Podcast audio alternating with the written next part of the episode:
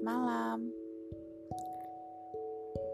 Aku mau nanya, menurut kalian penjelasan itu penting apa enggak sih? Bagiku, penjelasan itu penting sih.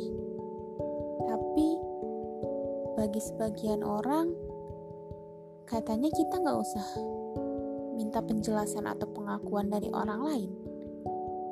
Karena yang tahu kualitas kita cuma Tuhan. Gimana menurut kalian? Kalau kata aku sih, penting ya penjelasan itu. Karena supaya kita nggak salah paham terhadap orang lain dan orang lain pun tidak akan salah paham terhadap kita.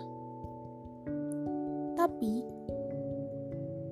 gimana cara menjelaskannya? Kalian tahu? Selamat malam.